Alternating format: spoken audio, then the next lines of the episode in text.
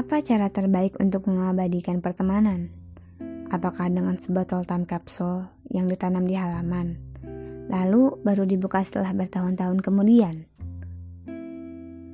Apakah dengan mengabadikan ratusan momen dalam telepon genggam, lalu mengunggahnya di media sosial?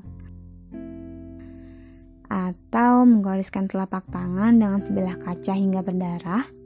Mengguratkan janji abadi yang tak mudah hilang karena akan tampak selalu bekasnya. Bisa jadi kita adalah tipikal manusia yang senang berjanji dengan simbolisasi tanda persahabatan. Nulis buku diary bersama sebagai jejak bukti, mencetak dan melengkapi koleksi buku album pribadi, membeli baju kembaran agar selalu tampil samaan, menggurat lukis, memakai gelang, membuat jejak pada tiap tempat, memberitahu dunia bahwa pernah ada manusia yang paling bahagia. Tapi, bagaimana halnya dengan sepasang sahabat yang tak pernah mengabadikan kisah mereka dalam benda?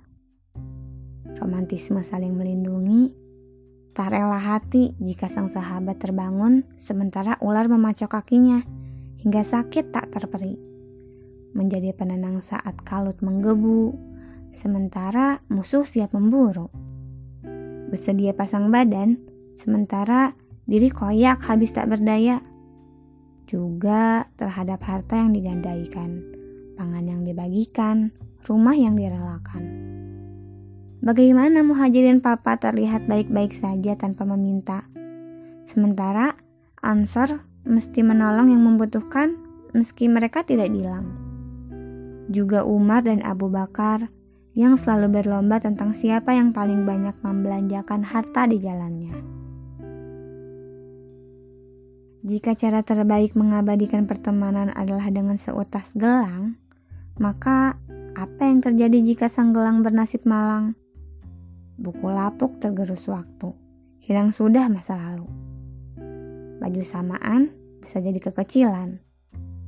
Foto manis bikin melankolis beda tujuan dan kepentingan, pergi sudah kenangan. Tetapi bagaimana halnya jika persahabatan tidak lagi diabadikan dengan benda, melainkan dengan karya? Membagikan ilmu dengan dunia, mengalir terus tiada habisnya. Atau menjadi pribadi, saling menyelamatkan kala setiap kita bermuka dua.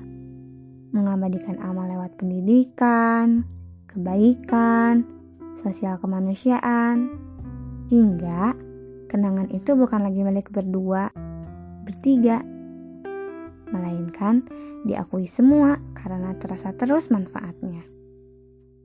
Tidak membuai hingga lalai, tetapi menampar biar sadar. Karena pertemanan jenis ini menempatkan yang abadi untuk mengabadikan pertemanannya. Untukmu yang masih mengabadikan pertemanan lewat benda, tidak maukah meningkatkan levelnya?